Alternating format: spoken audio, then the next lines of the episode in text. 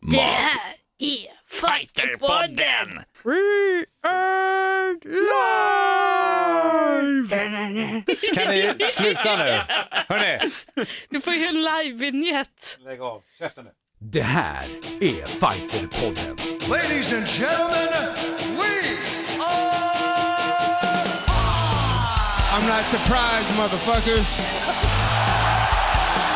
Touch gloves. Get ready for war. Uchimata! And ladies and gentlemen, the mauler, Alexander Gustafsson. Oh my God! Double leg. He just got double leg. I'm gonna show you how great I am. Det är likadant varje gång. De har mimik till podden, ja, eller till vignetten. Välkommen till Fighterpodden. Ja, hörni, det är Vilket avsnitt är det på? Ja, det är nummer 50 idag. Är det nummer 50?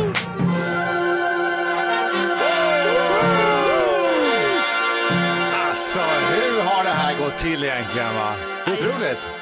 Det är Ja, fantastiskt. det är faktiskt det känns stort att få vara med om det här. Vi fyller 50 år. Nej, Nej, Nej, inte riktigt, 50 men nästan. poddar. Vi kommer med lite fler än om året, det gör vi. Ja. Och de som är i studion då är ju Simon Kölle, Tjena, Tjenare. Elin Blad, välkommen. Hallå, hallå. Jag heter Mårten Söderström. Jag har alltså varit med alla, nej, en podd var jag borta för att jag hade diskbråck. Och jag var då- borta i den första podden. Ja, det var det, precis. Så att, eh, då har vi varit li- lika du och jag. Ja, kan man säga. Och Elin, när kom du in egentligen? kom Elin in i Jag kom in eh, podd nummer 39 och jag har inte varit borta en enda gång sedan dess. Nej, Nej, det är det. härligt. Så hade vi med oss Hans Wiklund och han bara gjorde höger vänster och försvann. Ja. Jag vet inte om jag skrämde bort honom eller Nej, vad det som var hände. att han satte sig på morgnarna på Mix Megapol och sen orkar inte han längre det här för det är för mycket. Men han säger varje gång, ja men det verkar kul. kommer tillbaka, jag kommer Han, du skulle varit där för, förra podden hade vi Panny här. Ja, jag skulle varit där när Panny var där. Eller- Bara, du, du kan inte plocka russin ur kakan. Nej, men det känns Nej. lite som det. Så funkar det inte. Vi får köra någon om hans, någon hans klubb, en specialare. Ni, ni har ju fått listan där med Ja. alltså alla som har Ja, är varit här. Jag ska bara säga första podden som var, det är lite kul att den här podden kom till för att då var det med anledning av Nordic Open i Just BJJ. det, just det.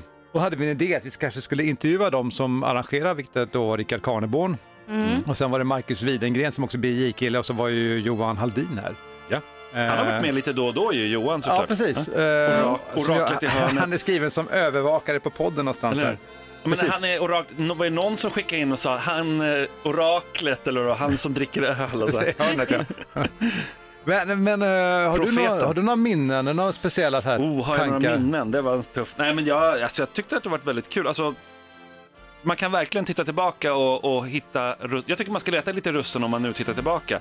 Lite vad gillar man? Det finns väldigt intressanta grejer. Vi kommer ju prata med Kevin Sataki idag, men lyssna på podd nummer fyra till exempel när han var med om man vill sätta sig in lite hur känns det att vara domare. Mm. Det är liksom, eh, vill man testa och se vad är egentligen HEMA avsnitt fem, alltså det är väldigt intressant. Det är lite sådana grejer som jag vurmar Ja, för. Re- regler och HEMA typ. Nej, men Simon Sköld har väl varit här tre gånger eller något sånt Ja, där. precis. Så honom kan man absolut följa om man gillar det och så här. Nej, det har varit intressant. Vä- väldigt mycket thaiboxning, väldigt mycket MMA, vi har haft rätt mycket BI. Det är väl de tre som har varit mest va? Det har varit fokus på det, har varit så. Och det, Ja. kanske, det är för att det är de största sporterna. Men, men alltså, det har ju varit många som har varit här. Jag kommer ihåg bara, alltså, olika namn. Jag tänkte dels var han Micke Sprites här. Vi hade Just en. det. Podd nummer tre var ju typ bara om karate. Där han Jesse Enkamp som då är the, the karate nerd, kommer jag ihåg. Och Lina Våglund, SM-mästaren och så Micke som då är skådis. Och han berättade att han hade typ uh, utmanat Dolph Lundgren, kommer jag ihåg. Just Det var roligt. Det var väldigt Så- så roligt. det. Jack Hermansson har vi haft på telefon hur många gånger som helst. Han är ju liksom vår hus, eh, jag höll på att säga husgud, men jag menar hustelefonist. hustomte kan vi kalla det. Nej, men han har vi verkligen följt. Det har varit riktigt roligt, Ja, eller hur? Så här, verkligen. framåt, första matchen i UFC och framåt liksom. Så det har varit riktigt kul. Eh, Panny har vi också haft flera gånger. Vi får se till att få hit Jack också så vi inte bara har men det- långdistansförhållande. Ja, men eller hur? Men när han är i Sverige nästa gång, då kommer han. Då kommer han. Ja.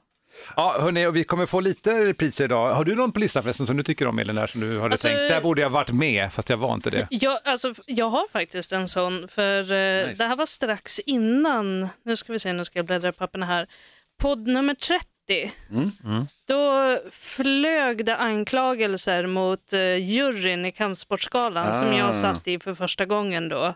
Och då, då kände jag att det här var inte public service där, eh, där juryn fick vara med och försvara sig utan då tänkte jag, vad fan, då skulle man ju fått vara med. Men, För då eh, hade vi ju Andreas Michaels och Majdi Shamas här ifrån Exakt. All Star Fighting Center. De var inte speciellt nöjda med, Nej, nomineringarna? det, det var mycket snack där och ingen, ingen feedback. Liksom, så.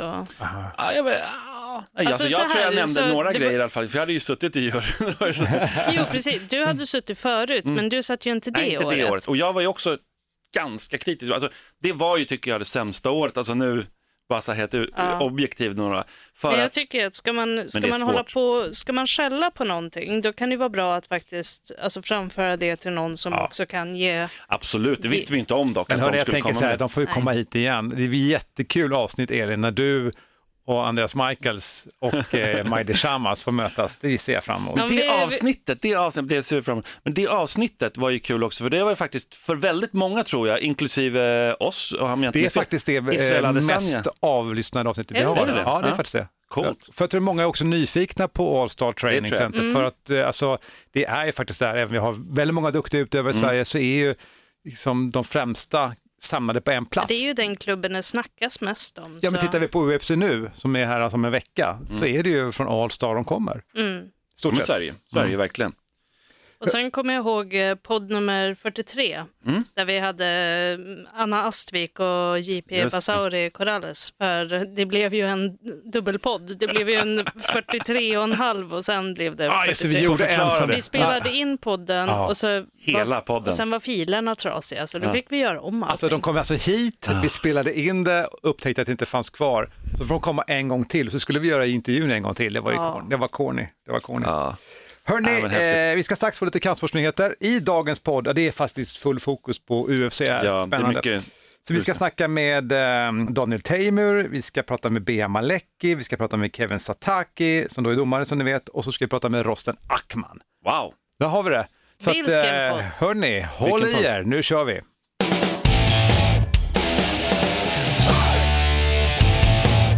Femtionde gången, ja nästan då, som det blir eh, kampsportsnyheter med Simon Kölle. Vi har, det har varit mycket MMA senaste tiden och det kommer mycket MMA framåt. Rose Namajunas i stråvikt förlorade sitt bälte mot eh, Jessica Andrade och blev knockad på en slam. Vad säger ni om den? Ovanligt. Ganska ovanligt. Hon har ju också erbjudit Men det sig är inte att... konstigt alltså, för vissa slams är ju precis sådär hårda. Ja, man alltså, tänker. Det är ju inte så konstigt att det inte är tillåtet i så här, lägre klasser Mm. och i många grapplingtävlingar för det är fett farligt. Alltså pile driving, vet Ja. ni vad det är? Nej. Nej men då tar man ju alltså huvudet ner och sen så, som en sån här wrestling tvärtom. move. Precis liksom. som man kör en sån här, äh, ja, vad kallas det En för? bila typ. En bila, ja, precis. exakt. Nej men precis, det är ju förbjudet. Men det är nästan att det är så ibland ändå, eller hur? Liksom? Det Ja, blir... men det, det, är- på, på ett sätt är det lite svårt att undvika och det är ju också så här, vad ska du göra i stunden? Mm. Som när, när du som domare eller någonting tittar eller till och med när du som utövare ska gå på ett kast och sen blir det huvudet rakt ner och man spikar någon. Mm. Det är ju jättesvårt att i en millisekund kunna styra om det där. Mm. Det är ju Det är väldigt svårt. På samma gala då, då UFC 237, då hade vi, vi pratade om det i förra podden, att det var så mycket veteraner som var med. Andersson Silva, BJ Penn och Lil Nog var ju med också och även Thiago Alves. Hur gick det för dem då? Jo, de förlorade ju tyvärr allihopa. Och vi sa just det, de ska ju inte vara Ja. där. Nej. Nej, det kändes ju som det. Nu är José Aldo, där tycker jag att det var någon som gav mig lite kritik där, att, att han är en föredetting när han är, han är andra rankad i klassen. Men, men det är ändå lite föredetting mot han i alla fall var förut och han, nu förlorade han ju även den här ja, matchen. alltså det, Jag kommer inte ihåg att du sa, sa du det? Att, ja, men vi, att vi pratar liksom, Ja, att vi lägger in honom i mixen bland de här liksom föredettingarna typ. José Aldo och BJ Penn. Ja, det var, Men det är det, det jag tror att vi sa var att det här hade kunnat vara ett matchkort från 2009, Ja, lika väl. 2008 tror jag till och med. tror jag. Ja. Var för länge sedan. Besserwisser. Eh, Men det man ska säga är ju att det är ändå intressant att, att det som är poängen, bara som, gör- som Mm. gör att det kommer fortsätta är ju att BJ Penn har ju massa följare fortfarande. Ja, ja, ja. Eh, alltså Little Nog har ju det, etc. Mm. De, här, de här personerna har ju det. Och det här är deras jobb. Mm. De har gjort det här ganska länge, så de har följare som vill se dem, som såklart då blir publik. Mm. Det innebär att de kommer dyka upp, därför de fortsätter dyka upp. Det, det kommer ju dyka upp alltså personer som, ja, någon- alltså, jag menar Shamrock, han var typ Ja. han 49 år när han var uppe liksom. Alltså en grej vi borde faktiskt prata om någon gång, vi borde prata om det, att det inte finns något ordentligt pensionsprogram Det det jag menar. för, för fighters. Alltså de behöver ju en fackförening och de behöver kollektivavtal. Ja, men det finns ju så ingen att de hö- kan högsta ålder. Alltså, det, det, var går gränsen liksom? Jag menar, Nej, det är svårt. Och många tittar på liksom Randy Couture som, som kunde vara liksom 46-47 år och ändå vinna. Mm. Liksom. Så att, eh, men Och, och alla ramlar de ur honom. UFC ska jag säga sen, då kan ni fan på att de är i Bellator. eller Ja, så. ja, ja, ja, det föreningar. Ja, Så att jag, jag frågar, annat. vad kommer bli den äldsta matchen alltså mellan två fighters? Jag lovar er, alltså, ge det här 10-15 år, det kommer vara 55-60-åringar som fightas. Mm. Eller hur? Det har varit en annan UFC-gala, UFC Fight Night Dos Anjos vs Lee, där, där Rafael Dos Anjos vann mot Kevin Lee på en armtriangel i fjärde ronden. Såg du den galan? Ja, bra. Ja, den var bra. Där har vi ju Vicente Luque som imponerade väldigt mycket. Han vann på TKO och då har, då han 9-2 i UFC och han har vunnit fem raka segrar på avslut. Så det är, det är ett namn och, och liksom ha lite i bakhuvudet när ni tittar på UFC. Där har vi också Felicia Spencer som slog ut alltså den betydligt större. Det var en enorm skillnad med Megan Anderson. Verkligen. Det kändes som att det var två viktklasser över i den matchen. Men grappling är, kan man vinna fast man är mindre. Det har Gracie-familjen visat om inte annat. Det är lite grann grundprincipen i faktiskt grappling, att det handlar inte om storlek. Eller hur? Charles Oliveira som eh, också slog eh, David Tamer, han eh, mötte nu Nick Lenz som David också mött. Så de, de möter lite varandra i den, på den nivån i UFC, där i den viktklassen. Han vann den och har också vunnit fem matcher i rad på avslut i UFC. Så att Charles Oliveira kommer nog gå upp Ja. väldigt mycket i aktier här. Sen har vi haft Superior Challenge 19. Eh, kollade ni på den galan? Ja. Det gjorde ni? Mm. Den svenska sändningen då antar jag för att ni Ja, var i vi- Sverige liksom. Ja, det, Hur gick det för jag satt dig? ju på plats faktiskt. Ja, det, ble- det blev... Jag satt i splatter Ja, zone. det gjorde du ja. Ja, det gjorde det, okej. Ja. Men, men du kommenterar väl för någon, eh, den Ja, men för Fight TV, eh, Precis. jag, Ryan och Larry Då kör på. du på engelska då? eller? Då kör vi på engelska. Känner du dig bekväm med det? Eller? Känner mig att det var tredje eller fjärde gången jag kört på engelska. Spännande. Och då är det ju liksom, det är mycket, det är fem timmar. Ah. Och det är den verkligen sändningen som sen eh, med största sannolikhet hur många svengelska kastar du in? Det Inte så många, nej, alltså, men man tänker att lingot är ju ändå på, Mm. på liksom, sen, sen på engelska och sen har jag ser jag till allt vara förberedd, men det är ju... Ja, är det en nackswing? En nackswing? exakt. Du kanske bara tar saker från vår jingle. He just got double legged. exakt, jag säger bara de grejerna. Liksom. oh my god! Ja, eller hur? Nej, men det är ju alltså... There can only I'm can not surprised, motherfuckers. only one. Jag använder bara de grejerna. Sen är det väldigt skönt kan jag säga att ha Ryan som är amerikan bredvid sig. Det gör att man känner sig lite extra trygg där. Ja. Men eh, där är vi i alla fall, om vi börjar uppifrån, då, titelmatchen där, Diego Nunes som, som slog Simon Sköld. Mm. Simon var vass i början tycker jag, och, men även när han blev nedslagen så gick han upp, sen mountade faktiskt Diego. Men han gjorde ju det här problemet att han hamnade mot buren och står och svingar mot en Ja. världsfighter som Diego Nunes och det, det går liksom inte att göra. Men får jag säga, eh, som såg den här, för det var ju jättespännande. Mm. Och, och det är klart man önskar att Simon skulle vunnit den matchen, samtidigt som Diego är liksom så meriterad. Mm. Så ingen förvånad och när det var slut så såg man Alltså den här lättnaden och också liksom stoltheten från Simon att liksom, det var ändå okej. Eh, och Diego, Diego Ja, sa alltså, ändå det, det var ju ingen fara Nej, det var med, det. med honom. Han blev ju giljotinerad. Men den blicken, min poäng är bara att Simon, du backar på minuten när han precis mountar Diego så här. Det är som att han inte riktigt själv tänker att han ska klara det här. Det är som att han lite grann, shit nu är jag här, jädrar, det här går bättre än väntat. Och någonstans är det som att det bara tappade självförtroende där i. Och Det kan nog vara så. Och lite sådär att han blir lite förvånad. Vilket jag tror att han Förvånad kanske... är ordet, Förvånad. precis. Jag tror inte han kommer vara lika förvånad i nästa match. Och jag tror att, jag tycker det var väldigt bra att han någonstans var tydlig med att han kommer fortsätta liksom fightas och sådär. Så att, eh, jag tror inte på en rematch där direkt. Jag kan faktiskt säga någonting ganska exklusivt. Jag vet inte, jag har inte sett det någon annanstans, men jag hörde det precis efter matchen när Diego går ut ur buren så kliver faktiskt Michel Ersoy fram till Diego. De har ju mötts tidigare Ja. och, så, och verkligen bad och bönade att ge mig en rematch, ge mig en rematch. Ja, Så han Michel ville verkligen ha Ja. det. Det, det, var, det skulle vara roligt Hur faktiskt. gick det när de möttes sist? Vad Ehm, hände då? Han vann, avslutade med Michel. Ja. andra- andra var ronden. det överlägset? Eller? Nej, det var andra ronden så han kom i alla fall vidare till en, en rond till och sådär. Men det alltså Diego är ju en killer verkligen. Mm, Så att. Han är jättetuff. Eh, sen hade vi ju eh, första svenska mellanvikten, alltså eh, champion i mellanvikten blev ju Nico Musuko då som slog Mm. Dylan Andrews och det var ju, Nico är väldigt bra alltså. Han är så Riktigt bra. stabil fighter verkligen. Det är jättekul att se honom. Sen hade vi ju den stora chocken som alltså hur alltså Patrik Pietale vann efter alltså David Bjelkheden har vunnit nio matcher i rad. F- Får en, en eh, ersättare som hoppar in då. Han, Han skulle möta hoppade in bara på typ två veckors varsel. Någonting sånt och han fightas ju normalt i en viktklass under, Ja. och, men han är väldigt stor och väldigt lång, har bra räckvidd. Och han sa någonting ganska intressant innan matchen som gjorde att jag blev lite så här, oh, det här, nu är det intressant. För att eh, det var det att han hade verkligen studerat Jack Hermansson, hur han fightades mot Jacare. Och så här, i detalj studerat den matchen. Hur gör han? Hur rör han sig? Hur ska man kunna ta hand om ett svartbälte som är, David är ju ändå svartbälte som också kan stå. Då, han måste använda sin räckvidd, han ska inte gå in i de här, och jag menar Patrik är ju en grappler. Men på backen, då visade ju David Bjelkheden att han är, han är grym. Alltså. Jag menar, bli nedslagen två gånger och sen vinna tredje ronden och mounta honom och nästan vara, alltså, Ja, var men nära Patrik på avslutande. imponerade så mycket på mig stående. Alltså, han hade väldigt bra rörelsemönster och just det här, alltså, han, han verkligen knockade ju Bjälkheden. Alltså, jag, från den vinkel jag såg så såg det ut som att han, han somnade på den där första knocken och vaknade när han studsade i mattan, mer eller mindre. För det, alltså, det jag satt och tänkte som förbundsperson, jag satt bara och tänkte det här är inte bra för hans hjärna, det här är inte bra Nej. för hans hjärna. Två knockar i två första ronderna där det verkligen såg ut att vara lights out. Det, det var lite jobbigt att se tycker jag. Ja, David, han- ja, förlåt. Nej, men han, och som sagt att han faktiskt ändå kom ikapp i matchen och var dominant i sista ronden, men det hjälpte ju inte utan han fick inte den. Det jag tyckte var intressant däremot var ju att man kan tänka sig då att ja, men Bjälkheden kanske skulle vara lite nonchalant. Jag tycker inte han var det när han kom in. Jag tycker att han var, jag upplever det som att han faktiskt inte tog det här som en lätt match, men att han åkte på de här propparna direkt och blev, då blev han ställd. Fan, det här var oväntat.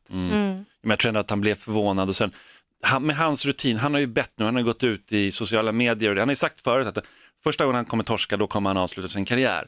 Det löftet har han inte hållit nu, för nu vill han möta Patrik igen, direkt rematch, men då ska det handla om bältet, för den här gången var det inte om bältet. David har ju bältet, precis. så då blir det om bältet. Och Hur då, kommer det sig att det inte... jag vet inte, det var det här med kort varsel och jag vet, det var någon sån grej, att det var därför det inte skulle handla om bältet. Jag vet inte varför, det kan ha varit någon viktsak också, jag vet faktiskt inte. Någonting som, som de gjorde väldigt bra Superior Challenge, eh, som jag älskar faktiskt, jag hoppas att alla följer deras exempel. Det är inte de som har kommit på det, de snodde det i sin tur eh, från några andra ute i Sverige. Eh, det var det att man får väga in och visa hela publiken Ja. vad man väger precis innan man går in i buren. Det var lite kul. Vilket var, då ser man ju, den här har gått upp 6 kilo. Alltså det, var, det var ju någon som hade gått upp liksom 20 pounds, alltså 10 kilo På ett dygn. På ett dygn. dygn alltså. Mycket, mycket Herregud. glass i magen. där. Vilken klass i magen.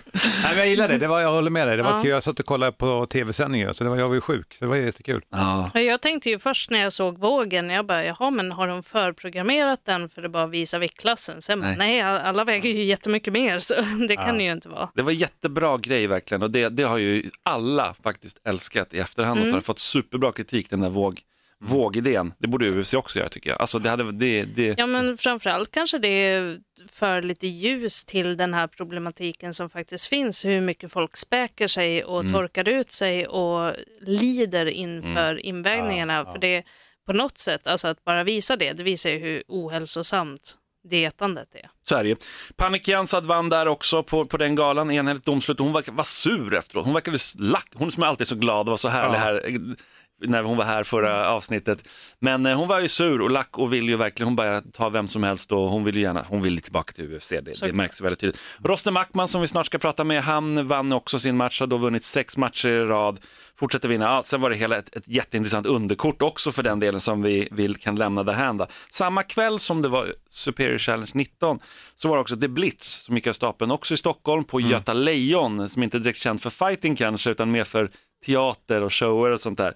Där hade vi ju alltså, sex matcher av de här nio gick i all style. Då. Kan du berätta vad det är, eh, Elin? Alltså All Style är ju, det är ju en idrott som Tabo har administrerat under ganska många år som har varit del av diverse olika underförbund och mest har det ju varit All Style Open som är, det är en blandning av kickboxning och du, det är poängbaserat egentligen så du får poäng för träff och, och det är många amatörer som tävlar i det och sen har det funnits en pronivå på den också.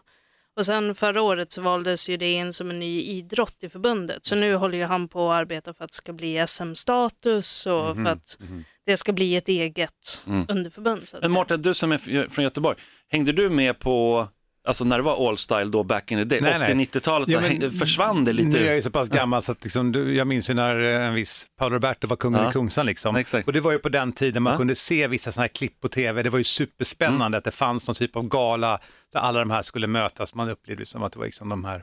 Paul Dumba. Alltså det var många väldigt bra, så Ola Alvarsson alltså, som nu är Men det fanns liksom en kultur här uppe här och, och, och då var ju det, det är så sjukt att tänka på det idag, men då var liksom det tuffaste man kunde tänka sig. Att det fanns sån all style där de här I. Solnahallen. Jag hade gångavstånd dit så jag gick och såg jättemånga Ja. av de här gamla. Det var så häftigt, man var en liten kid, kid liksom. Ja, det är spännande, men det var, det var ju en sån, sån gala då där på Göta Lejon och det blev ju Nils Widlund vann, alltså det var rätt intressant. Bra, bra fighter så vitt jag har förstått. Det var inte där jag var ju på Superior så jag har inte sett dem, men eh, det är spännande att se fort, de fortsätta driva på matcher. Vi hade Kostas där också som gick en boxningsmatch och vann den. Och så här. Nu är han väl inne i vad är det, sju, åtta månader boxning och han är redan liksom... Kostas vem? Kostas Nanga som eh, har varit här i podden också. Men det var ju, Thaiboxare som har... Ja, men. det vet Elin, men hon, hon vill mm, säga namnet. Ja, det är det, är rätt, det är därför rätt, det, det är handlar. det är rätt Elin. Det är rätt.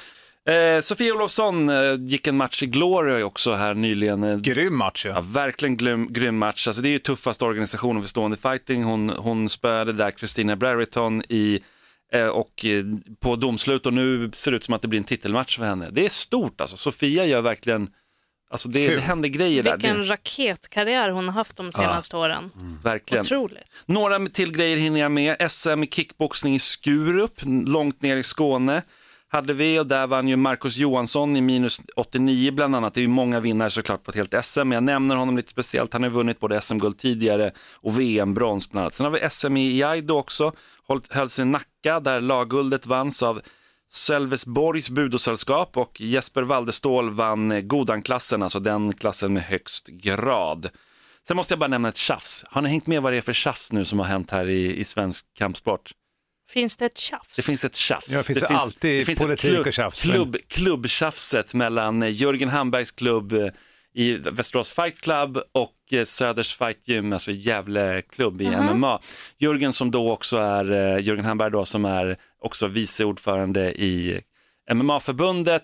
Han gick ut där och pratade om att de hade en egen gala, han ville då få till Robin Roos, sin egen fighter, skulle möta Adam Westlund som är då från Söders Fight Gym och då gick han ut liksom tydligt i media, Jörgen, och sa att Adam inte vågade ta den matchen och han backade för att ta den.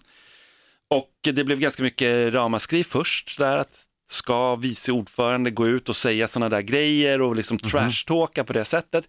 Och nu häromdagen så kom ju också ett utlåtande då från eh, deras huvudcoach i eh, Söders Fight Gym som menar att Jörgen ljuger och han vill inte att det, det är som deras fighter här ska möta Robin Roos i en gympahall. Han vill att de ska mötas i Superior Challenge 19, eller 20 då i december. Plus att Adam är skadad, så det är därför han inte kan ta matchen.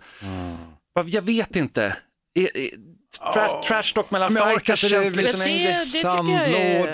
Ja. Alltså, Sandlåda. mellan fighters, jag sak. förstår det, men jag förstår också att man som huvudcoach är engagerad, men Mm. man måste fundera också, vilka hattar är det jag brukar ha Mm. på mig? Och om man då är vice ordförande för förbundet, då är det en förtroenderoll som, med den hatten på, så Mm. är det kanske inte superlämpligt att gå ut och kalla folk för fega för att de inte tar matcher och så vidare. Nej, precis, att han backar den där. Jag ska nämna det att Thomas Harranen hette han också som är eh, tränare där i Söders Gym. Men vi får väl se lite hur det följer. Alltså det, det är väl inte jättegrej heller. Alltså man kan väl tycka Nej, så alltså att det- det är ju lite storm i löjligt. ett vattenglas. Det är storm i ett vattenglas, absolut sådär. Men avslutningsvis då, lite nyheter så här, så satsar ju nu Svenska Bud och Kampsportsförbundet på en antidopingkampanj här just nu, så det kommer komma en film om det också nu här när som helst, vilken dag som helst. Ingen skit i mitt kropp heter den här kampanjen, så det är mycket man kan lära sig om antidoping, eller om doping generellt, för det är Bra, just bra. det här, vad är det man stoppar i sig och kan man skylla på att nej men det stod ingenting på det här preparatet fast du Mm. Det har ju nu funnits så liksom. många sådana fall där folk bara har tagit kosttillskott utan Mm. att ifrågasätta vad det egentligen är de tar och sen blir de förvånade när de får positivt utslag på testerna. Så det här är jätteviktigt för våra utövare. Jag tycker vi ska ta upp det, jag har haft det tidigare, vi borde ta med det i en podd och gå lite Det djupare på den jag. här grejen. Det tycker är en jag. riktig grej alltså. Riktigt, riktigt. Alldeles. Är det klart? Ja. Hörni, ska vi ta och eh, ringa första fighten i UFC idag? Vi ringer till Daniel Tamer.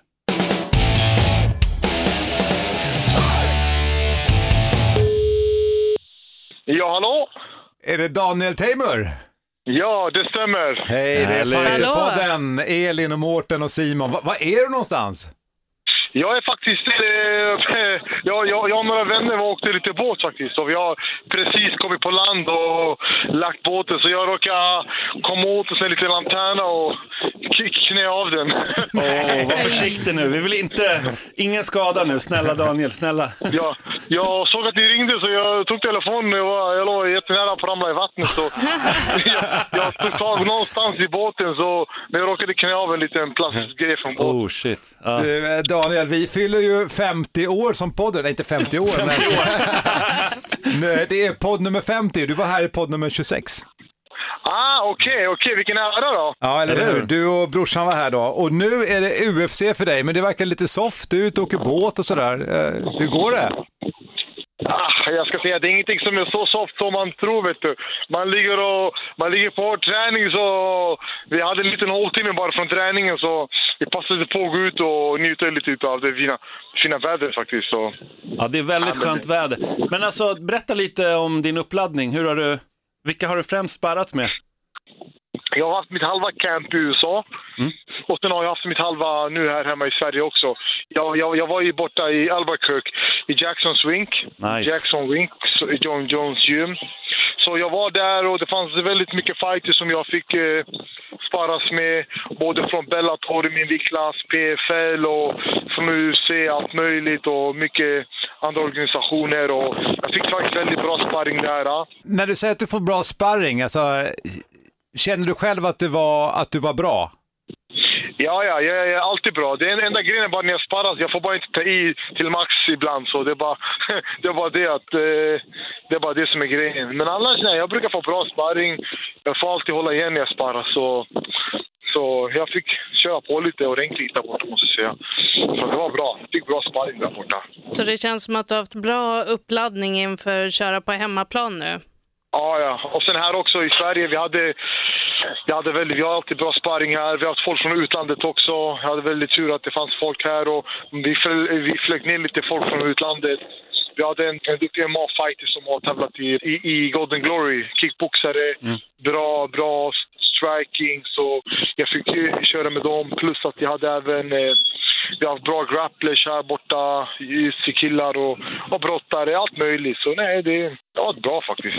Så du har haft ett bra gäng på plats. Hur, eh, hur räknar du med att det kommer bli på plats i Globen med hemmastödet? För det, Vad ska jag säga? Jag ser verkligen fram emot det och jag vet alltid att eh, folket alltid, de, de, de, är alltid, när UFC speciellt, de är alltid igång och alltid när jag går in, jag vet att de tycker alltid att jag har en attraktiv stil och de vet att alltid kommer hända grejer och alltid, publiken är alltid igång när jag fightar så jag är redo på det. Så det kommer bli roligt. Jag, jag tycker att du har haft lite otur om man ska vara ärlig i UFC, lite, så här, lite oförtjänt för din del. Ja, men li livet är inte alltid rättvist. Men det, är- det, det, det, det gäller att, det, det, alltså det gäller att liksom göra det rättvist. Så man, det är bara att man inte får ge upp, man får fortsätta och kämpa på i, i, den här, just, i den här nivån. Folk vet inte hur det är. Liksom. Det, allting är, är marginellt. Vet du. Det, det är som en 100 meters maratonlopp. Liksom. Det, den första, det handlar om hundradelar på allting och den här sporten tyvärr, det är lite så. Men självklart, jag, det, jag, jag instämmer med dig. Jag har haft lite otur.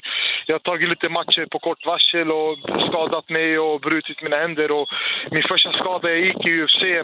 Eh, jag, jag tog en match på kort varsel där i Glasgow, min UFC-debut. Men var, var, det då, var det inte då som du var på smekmånad typ och tog den? Nej, det stämmer. Jag tog det på tio dagars varsel. Eh, Men det, det är det som är grejen. Man måste, det, det är väldigt mycket man måste offra i det här livet. Och, så jag, jag fick avbryta smekmånaden och börja träna där borta faktiskt. Vad vet du om din motståndare? Han är från Korea, Sydkorea. Han är en sån knockout-artist och han har mycket eh, avslut på både knockout och submission. Och, eh, han är en tuff kille, går mycket femrondersmatcher. Väldigt tuff. De har precis de har signat honom. Han, kommer, han är champion i vissa organisationer i Asien. Han är obesegrad. Jag tror 9 eller 10-0 är han. Eh, Det, det mesta på avslut för honom också. Och eh, ja, men eh, ni vet att jag är också väldigt tuff så det blir intressant. Hur går det med vikten? Allting är jättebra. Jag kommer ju från, en, från camp direkt så jag har liksom hållit igång och min vikt och allting är jättebra och allting är som det ska liksom. Och, Hur är, hur är stämningen lite på klubben, alltså på Allstars? För att det är så många Allstars-fighters som är hu- på huvudkortet och sen även på underkortet. Men vad, hur är stämningen där tycker du? Märk, märker man att nu är det snart nära något stort?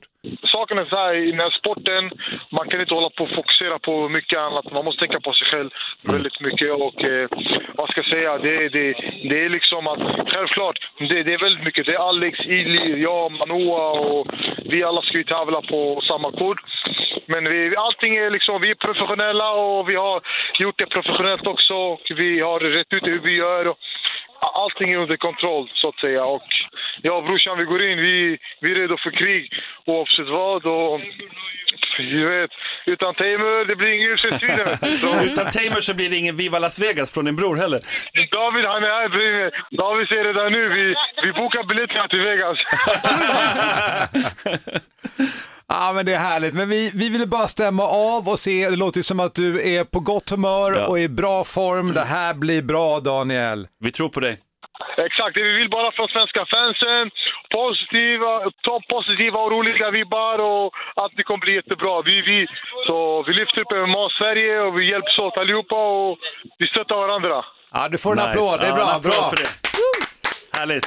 Daniel, vi ser dig på UFC i Stockholm. Lycka till! Super, super allihopa. Tack så jättemycket och vi ses. Heja på mig!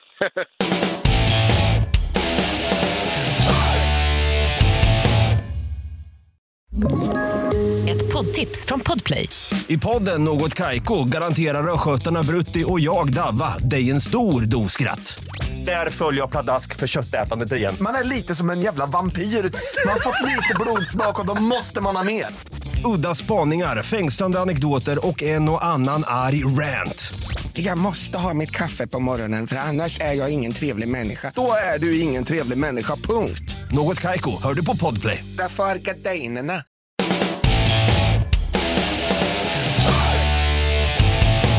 Daniel Teimur, det är alltså storebrorsan och David är det lillebrorsan. Exakt. Och Sen- båda var på båten. Ja, båda var på båten och, eh, De hänger nog ganska mycket tror jag. eller hur, de var ju som Duracellkaniner när de var här. Och sen har de alltså en bror till som var duktig i thaiboxning. Han var jätteduktig, nu är han frisör och har bra salong och allting. Så att Gabriel Tamer. Det är kul att det är en frisörbrorsa och han, och han är väl äldst? Rätt, Han är äldst. Ja, precis. Mm. Så det var ju lite så här, han började gå ner till en klubb, alltså lite så att, tänk vad, vad betydelsefullt ändå. Ja. Tänk att vara honom och bara känna att brorsorna, De båda led- brorsorna, lillebröderna, rätt. är i UFC nu båda två. Liksom. Och Det jag menar, jag tänker, ibland kan jag känna just den grejen att det är lite extra unikt. Alltså att du är två stycken, du är bröder som har tränat upp och båda två. Vi tyckte det var sjukt att Panik Jansa liksom och Bea Maleki hamnade i The Ultimate Fight. Två svenska tjejer. Nej, här är två svenska killar som är bröder och båda två. Det är våra Diaz-bröder. Ja men det är ju det, det är ju Diaz, liksom. det finns några sådana exempel, va? men det är där det är, liksom. Shamrock-bröderna kanske på en gång i tiden. Ja. Miller. Ja, det finns ett antal. Ja. Nej, men eh, det är väl, än så länge har det väl aldrig kommit trillingar. Så det, det, det vore lite Nej, men, eller bara tre stycken. Alltså, eller en, eller enäggstvillingar. det ska- Enäggstvillingar är däremot lite större chans. Det kommer ju kunna hända förr eller senare. Ja, spännande. Hörrni, ja, Tänk om absolut. de har helt olika Nu stil spinner vi också. vidare på det här i en halvtimme. Den här jag. podden som heter Fighterpodden. Eh, jag tänker vi ska direkt eh, ta oss vidare. Vi eh, har ju fokus på UFC och det är dags att ringa till USA och Bea Malecki. Oh, nice.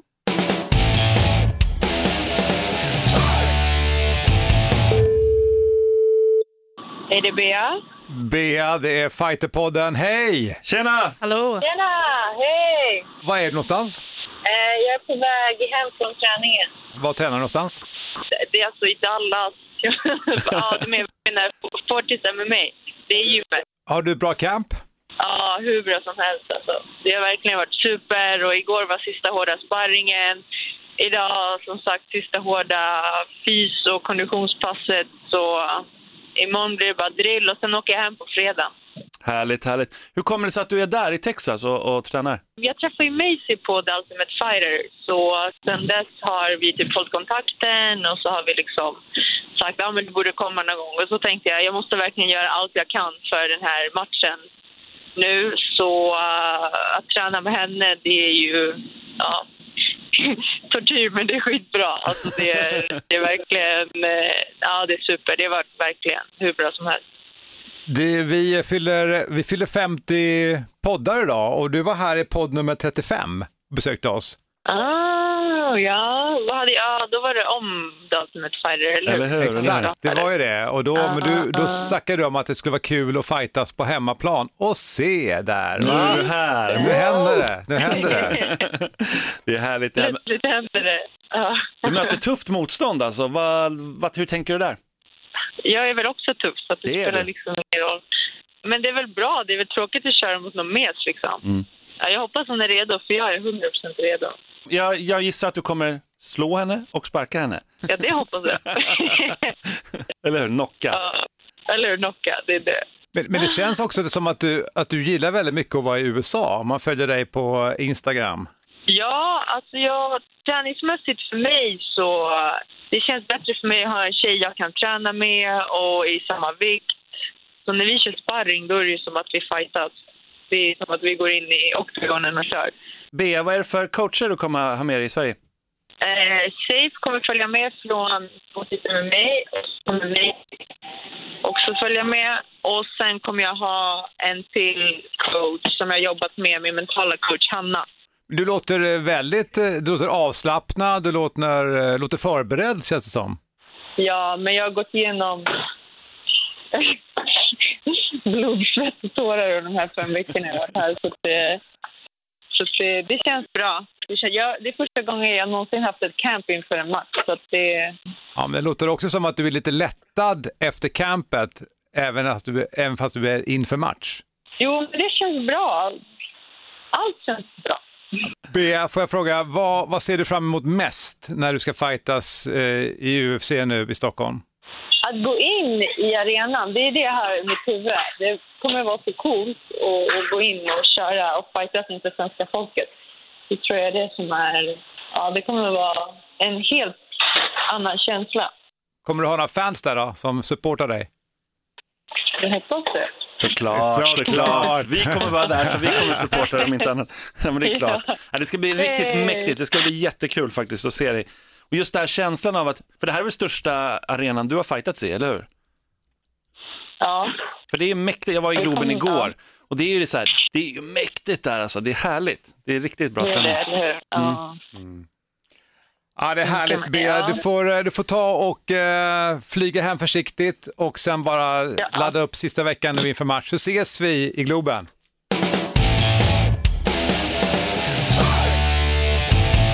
Alltså det var ju inte vi som var otrevliga nu utan det bröts, det måste Det man ha klart för sig. bröts. Väldigt eh, lugn verkar hon vara.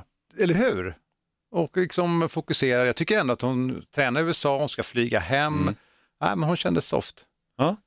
Men, men jag säger det, att, eh, som jag sa, jag följer hennes Instagram, alltså, hon är ju som fisken i vattnet när hon är i Ja. USA. Det, hon gillar den liksom, miljön, det är ju någonting med USA och Amerika, är det inte så?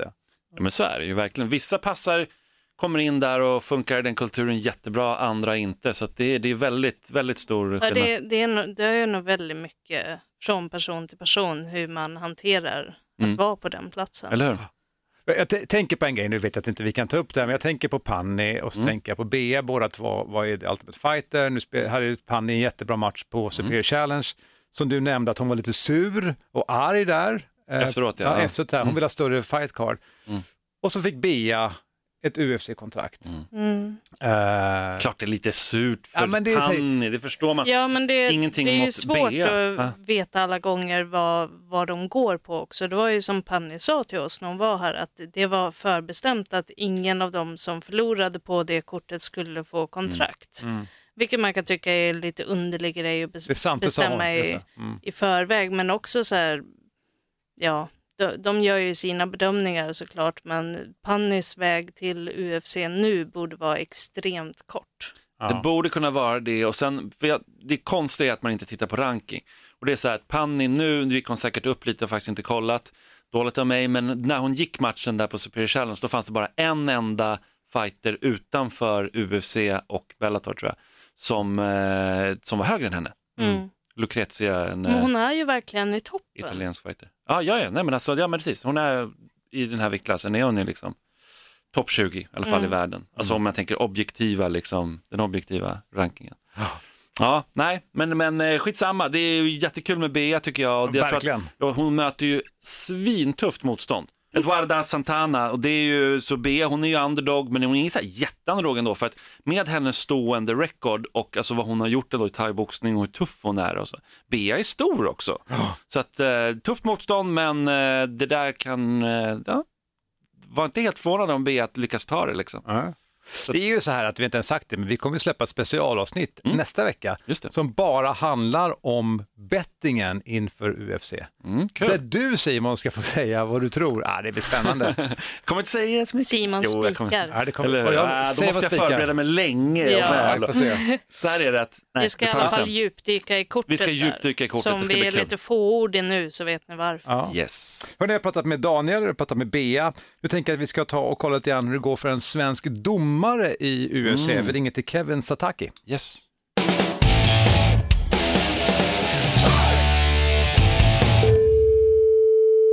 Hallå? Det är Fighterpodden med Mårten och Elin och eh, Simon som är här. Ja, vad trevligt. Tjena, Mm. tjena. Du, vi har pratat med Daniel Tamer precis. Han var i en båt och höll på att ramla i vattnet. Han, knä, han knäade någon grej och höll på att skada knät. Liksom. Det var så här. Det var roligt.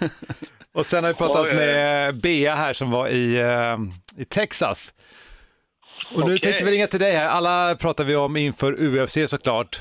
Ja, och jag är i härliga Hammarbyhöjden, ville bara få det. Ah, nice, nice. Det är nära. Du, eh, Ja. Men eh, hur ser du på det här med UFC i Globen? Alltså, du är ju som veteran nu för dig, men det måste ändå vara kul att vara domare i Sverige. Ja, absolut. Det är klart. Det är, det är väldigt speciellt. Jag menar, vi har ju så många på huvudkort och sen har vi två svenska officiella, så det är kul att vara med och representera på alla håll, om man säger så. Kan du berätta mer om hur förberedelserna ser ut inför ett sånt här event? Hur mycket, hur mycket möten behöver ni gå på innan för att alla ska vara förberedda och synkade? Hur ser organisationen ut för en domare? UFC har väl en liten gäng domare, eller UFC, det är ju Athletic State Commission som har det. Och eh, vi får mejl angående olika event och så om vi är tillgängliga. Mejlkonversationer fram och tillbaks. Först och främst får man ju svara på det om man är tillgänglig. Är man det så kommer det lite mejl lite längre fram angående interest of conflict, om det är någon på kortet som man helst inte vill döma för att man har någon speciell relation till den personen. Och eh, ja, mer än så är det faktiskt inte. Det, sen är det bara att eh, infinna sig på plats på fredagen och hämta lite badges. Sen är det bara showtime på lördagen. Då gäller det att bara vara beredd att prestera. Hur vanligt är det med just det här du pratar om, conflict of interest? Alltså, jag kan ju tänka mig att du som domare i Sverige och väldigt engagerad i MMA-kretsarna, du känner ju väldigt många personligen också. Mm. Hur är det att då gå in och vara domare i de matcherna? Så när, jag, när jag sätter ihop ett team, då förutser jag att alla kan döma alla. Jag eh, ser inte att du, du är domare, om det inte är något speciellt, att det är din bror eller din kusin och att, eller ni tränar två pass om dagen tillsammans, absolut. Men kör ni på samma klubb och träffats några gånger, hejar på varandra, du ska kunna döma den personen ändå. För att när du väl är där inne, du tittar inte på färg, namn, var personen kommer ifrån. Du är där och dömer två individer och liksom tänker på att det här är en idrott och du är där för deras säkerhets skull. Och eh, ja, jag själv tänker aldrig på vad det är för personer som är där, för då tappar du fokus över det du ska göra. Och det är ett så pass viktigt jobb som vi gör, så det är väl bara att eh, det ser bättre ut kanske rent internationellt generellt om en svensk inte dömer en svensk kanske så, men jag menar, folk kan ha sina åsikter. Men tror du att det förekommer? Förekommer det jäv för en domare? Och det kanske inte behöver vara uttalat, men att det är känslomässigt att, att man kanske låter matchen gå lite längre om den man ändå tycker bäst om är i lite underläge, eller tror du att det förekommer? Nej, jag skulle prompt säga nej. Inte på den nivån, absolut inte. Kanske på eh, klubbnivå, inte ens i ligan Nej. som vi har. Vi är verkligen handplockade. Det är ändå Athletic State Commission som plockar ut de här personerna. De har haft bra kontakt med förbunden i respektive land. Så de sätter inte där, någon där på måfå. Jag menar, men Jag menar, vi hade en incident här på, eh, här, i Västerås när jag dömde Tobias Harila mot eh, Kenneth, vad han nu heter. Vad hände då? Jag stoppade matchen och det varit ett mycket snack om att ja, han stoppar för tidigt och du gillar de här och du har tycke för eh, Jörgen som har galan och du tycker om Tobias Harila och så vidare och så vidare. Alla som känner mig, de vet att jag gör det här till 100 procent och jag är 100 procent professionell. Och en sak som folk inte vet om, är bara en parentes, jag vill få det här on the record. Returmatchen. Jag var huvuddomare på galan. För jag, jag sa så här, jag bara, jag funderar på att inte döma den matchen. Jag kan ta ett steg bak och låta någon annan döma. Och då sa Jörgen, det är du som är huvuddomare, jag vill att du dömer det, men du får göra precis som du vill. Vad gjorde jag? Jag tog med mig Kenneth och hans, och det här är ingen som vet, det här är första gången jag berättar det. Jag tog med mig Kenneth och hans coach in så fort de kom till arenan. Tog in dem i en bakdörr och sa tjena grabbar, jag vill prata med er. Så sa jag så här, jag bara, här och nu får du en möjlighet. Vill du att jag dömer din match eller inte? Då sa Kenneth, tittade på mig och sa nej jag vill inte det. Och eh, det, räckte, det hade räckt för mig. Men då kommer han och säger att, nej men för att jag tycker att du favoriserar Tobias. Då sa jag att där har du jättefel. Det gör jag absolut inte. Men återigen, det handlar inte om mig nu. Det handlar om dig och Tobias.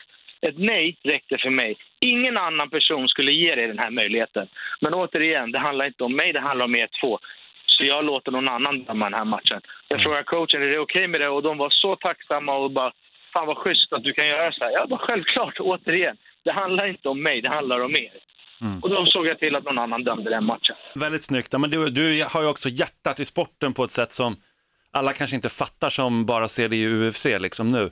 Ja, men alltså hjärta för sporten. Sen har jag liksom fått upp eh, alltså, hjärta för de officiella. Vi blir oftast förbisedda. Jag gjorde ett litet inlägg efter Superior här nu senast. Det var nio matcher, inga konstiga domslut, inga split decision. Alla var nöjda och glada, lite blåmärken. That's it. Och det är ändå på högsta nivån. En av liksom, Sveriges absolut största gala, en av Europas främsta galor. Otroligt meriterade, duktiga eh, utövare på galan. Men det var liksom, jag, jag säger inte att, jag menar vi är där, vi gör ett jobb. Så det är inte att vi ska få tack, men med, med ett jävla snack om någonting skulle hända. Det är ändå ett bedömningssport. Jo, men så, jag bedömde situationen så som den är där och då. Det är lätt att kasta skit på oss när vi ligger ner, men det är ingen som ger oss... Och då kände jag att jag vill göra det för de officiella. Jag vill ge dem props för det de gör, för det är ingen annan som Absolut, gör. absolut. Nej, men det, vi gör det också nu då. Vi, det, verkligen, ni ska ha all, all heder. När det gäller kampsport, det är, alltså, vi pratar om folks säkerhet, folks Mm. hälsa. Det ska inte ens finnas. Skulle jag känna en liten gnutta, oftast när jag är huvuddomare på galer så får jag plocka ut de domarna jag tycker har tillräckligt med erfarenhet, har dömt mycket och jag känner Mm. att det är rätt man, rätt kvinna på rätt plats. Och skulle jag ha en liten tendens av att personen skulle favorisera någon person, då skulle inte den personen få ställa upp. För återigen, det finns inga färger, det finns inga klubbmärken på oss när vi kliver in i buren. Det handlar om två individer och deras säkerhet och deras hälsa. När du tog jobbet som domare, så är det också det här otacksamma som du säger, att det är ingen som uppmärksammar er när ni gör ett bra jobb. Det är ju tyvärr så att man uppmärksammar när det går dåligt. Det är ju den här otacksamma rollen att vara domare och det är tråkigt. Jag håller med om det. Absolut. Och, det, och det, å andra sidan, vi, vi vet ju vad vi ger oss in på. Så egentligen så gör ju inte ni något fel heller. Ni säger media eller vem det nu är. För att, jag menar, det är ingen som har tvingat mig att gå in där. Så är det absolut inte. Så jag är inte ute efter att få ett tack, men det är jävligt bra ändå om man ger uppmuntran. För det är, ett, som du säger, ett väldigt utsatt jobb. Jag frågar mig själv dagligen, eller varje gång, jag bara, varför gör jag det här? Sen går jag tillbaka till mitt svar och det första var det att jag gör det för utövarna. Det, det här är inte gjort för alla, helt ärligt. Det finns många domare där ute som inte ska vara domare. Det här är inte brott, det här är MMA. Det är liksom, du har en hundradels sekund på att avgöra ett beslut. Jag menar stående fighting, boxning, thaiboxning, där har du som domare, du har räkning. Du har inga räkningar i liksom, världens eh, tuffaste sport, MMA. Jag tror inte folk förstår hur mycket det är som är på spel alltså på den här nivån. För jag menar, alla försöker, vill vinna till alla medel. Även om det så skulle vara, jag menar, på en foul, vilket de inte visar sig själva. Det är fighters, de har vissa hjärta och så vidare. Men att på den nivån, det handlar om record, det handlar om pengar, det handlar om mat på bordet. Så det är mycket som spelar in där. Så, och jag vill ju inte att vi domare ju inte vara någon slags anledning till eh, något kontroversiellt. Men det är också många som inte känner till reglerna. Jag menar, promoters, coacher, de borde gå domarkurser. Bara en sak som verbal tap-out. Folk tror att man måste säga tap, tap, tap, tap. Man bara, eh, nej. Du får eh, alltså grymta och bara med stängd mun, vrida och muskla, absolut. Men så fort du skriker in pain, som vi kallar det, i smärta, då är det en verbal tap-out. Ja. ja, det är intressant. Det där är en bra poäng, för det där är ju titt som tätt situationer där de nekar till att jag minsann inte gav mig. Jag klappade ju inte, bara, nej men du, sk- du skrek aj. exakt. så... Och det är det här, bara för att förlåt om jag avbryter, jag har liksom ändå en plattform här nu om folk som lyssnar är intresserade. Jag har nämnt det här flera gånger. Jag är väldigt villig till att göra en instruktionsvideo och förklara vad är de most alltså common foul, de mest alltså, vanliga missförstådda foulsen som är de här eh, verbal tap, eh, slag i bakhuvudet. Ja, men han slog mig bak, jag slog bak. Men vänta här nu. Jag förklarar för dig i omklädningsrummet. Är du statisk och någon står och matar slag i ditt bakhuvud, och vad är bakhuvudet? Eh, liksom vid hjässan, bak och förbi öronen. Då är det en foul. Men så fort du rör på huvudet, till exempel i en situation där jag är i Simons gar och jag vill bara slå ut den jäveln och han vrider, vrider, på, och han vrider på huvudet och jag råkar träffa han i bakhuvudet. Vad händer då? Han orsakar foul på sig själv, som vi kallar det. Så det är liksom så små grejer som folk i tv-sofforna med två bärs innanför västen inte vet om. Och så tittar de på oss och så säger de, ja men fan, den där jävla domarjäveln, han har inget där att göra. Du Kevin, vi ska faktiskt vidare i programmet vi ska strax ringa till Rostem också. Men vi ser ju dig och träffar dig på UFC och håller tummarna att allting går bra och vi älskar ditt engagemang Verkligen. i, domar, ja, i ditt domarengagemang. Sweet, och jag älskar er. Tack. Ta upp de officiella, ge dem mer utrymme och ta hand om dem och nästa gång ni ser dem, ge dem en klapp på axeln istället för att skriva en massa konstigheter om dem. Ja, det är bra Kevin. Vi är, Bra. vi, vi är där för alla fighters.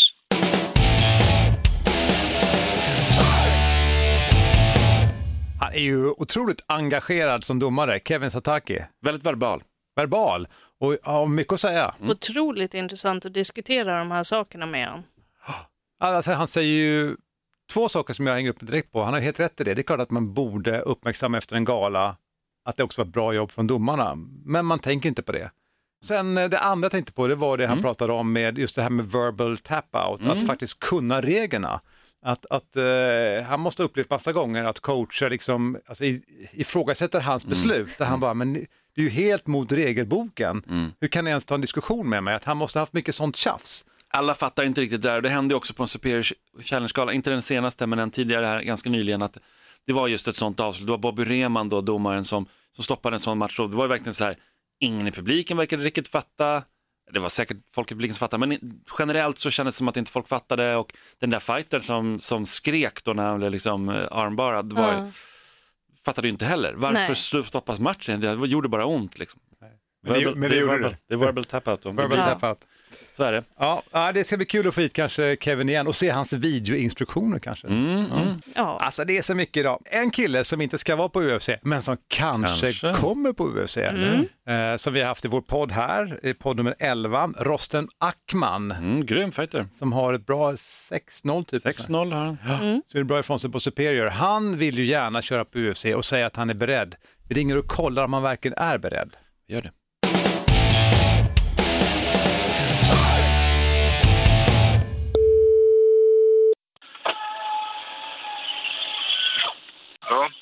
Är det Rostem? Ja. Tjenare, det här är Tjena. Fighterpodden Hallå. som ringer. Ja, tjena, tjena. Låter som misstänksam. Jag trodde det var polisen eller så.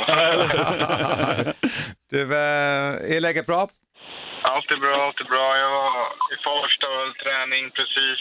Eh, Så jag kommer därifrån. Väg hem nu.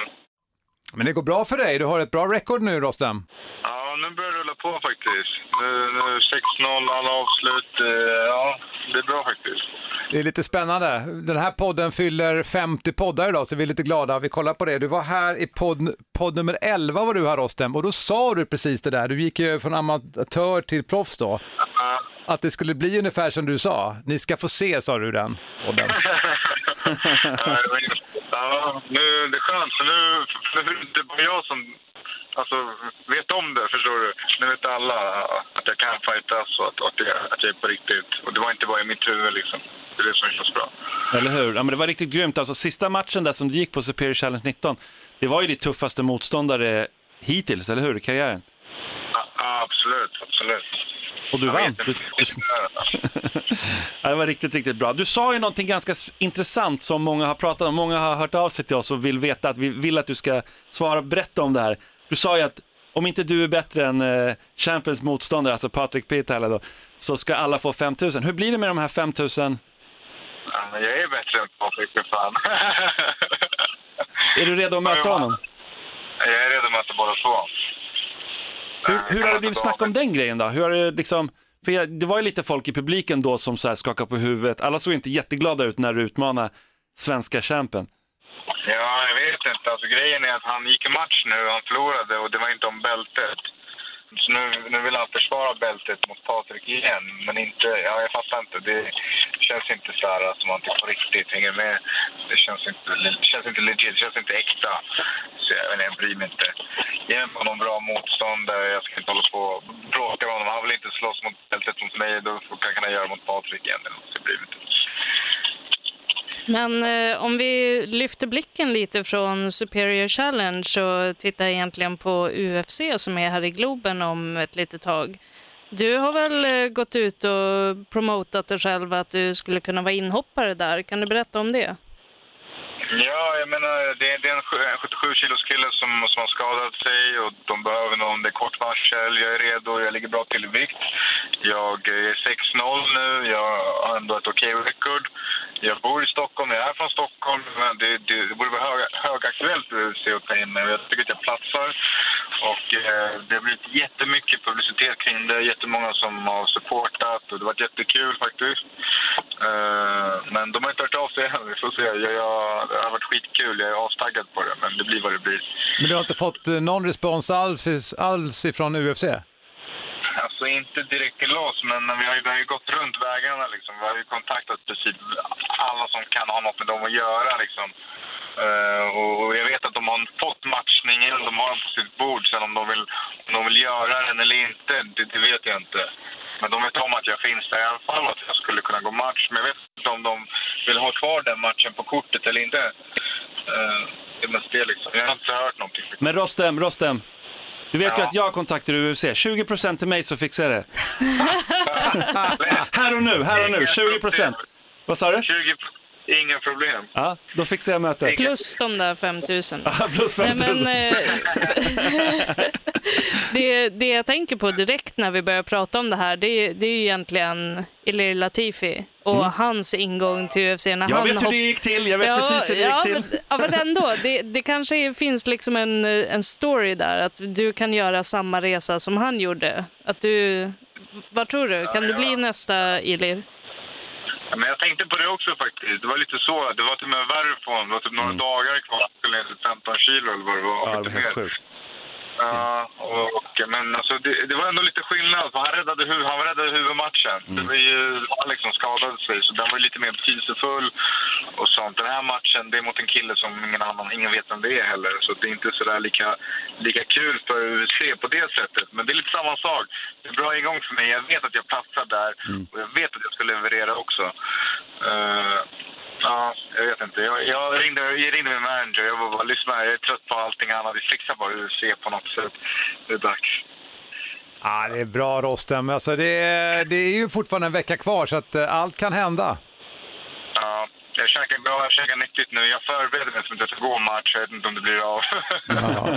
Men kommer du att vara där oavsett i arenan? ja, jag kommer vara där. Ja, det är bra. Nice, nice. Ja, men det är härligt att följa dig Rostem. Vi ska gå vidare i podden och vi hoppas att träffa och se dig snart igen. Ta hand om dig. Tack så mycket. Hej då. Hej då. Hej. Hej.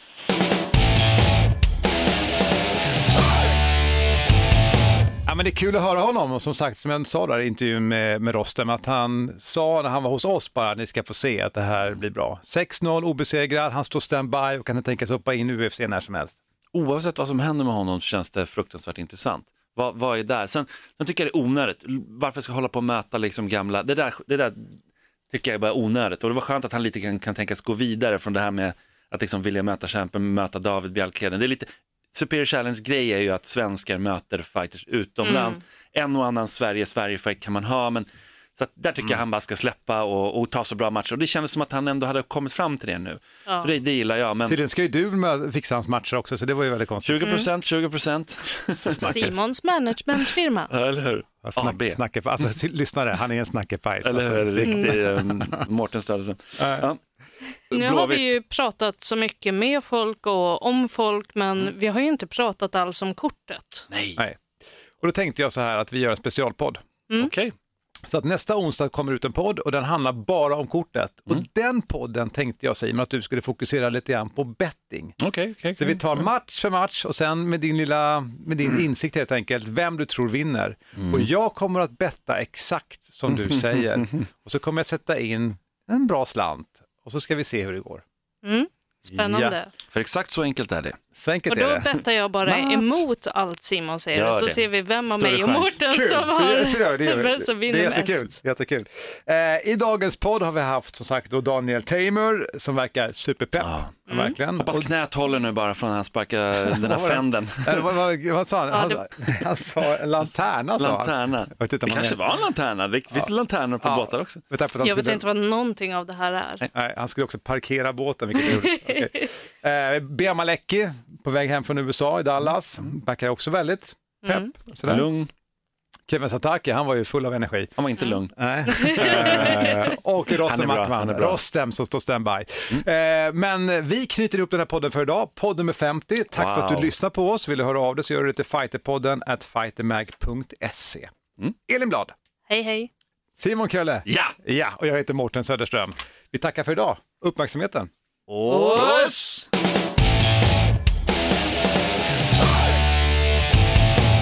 Fighterpodden produceras av Suba Media för Radio Play. Ett poddtips från Podplay.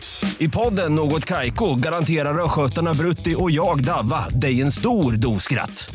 Där följer jag pladask för köttätandet igen. Man är lite som en jävla vampyr. Man har fått lite blodsmak och då måste man ha mer. Udda spaningar, fängslande anekdoter och en och annan arg rant. Jag måste ha mitt kaffe på morgonen för annars är jag ingen trevlig människa. Då är du ingen trevlig människa, punkt. Något Kaiko, hör du på Podplay. Därför är gardinerna.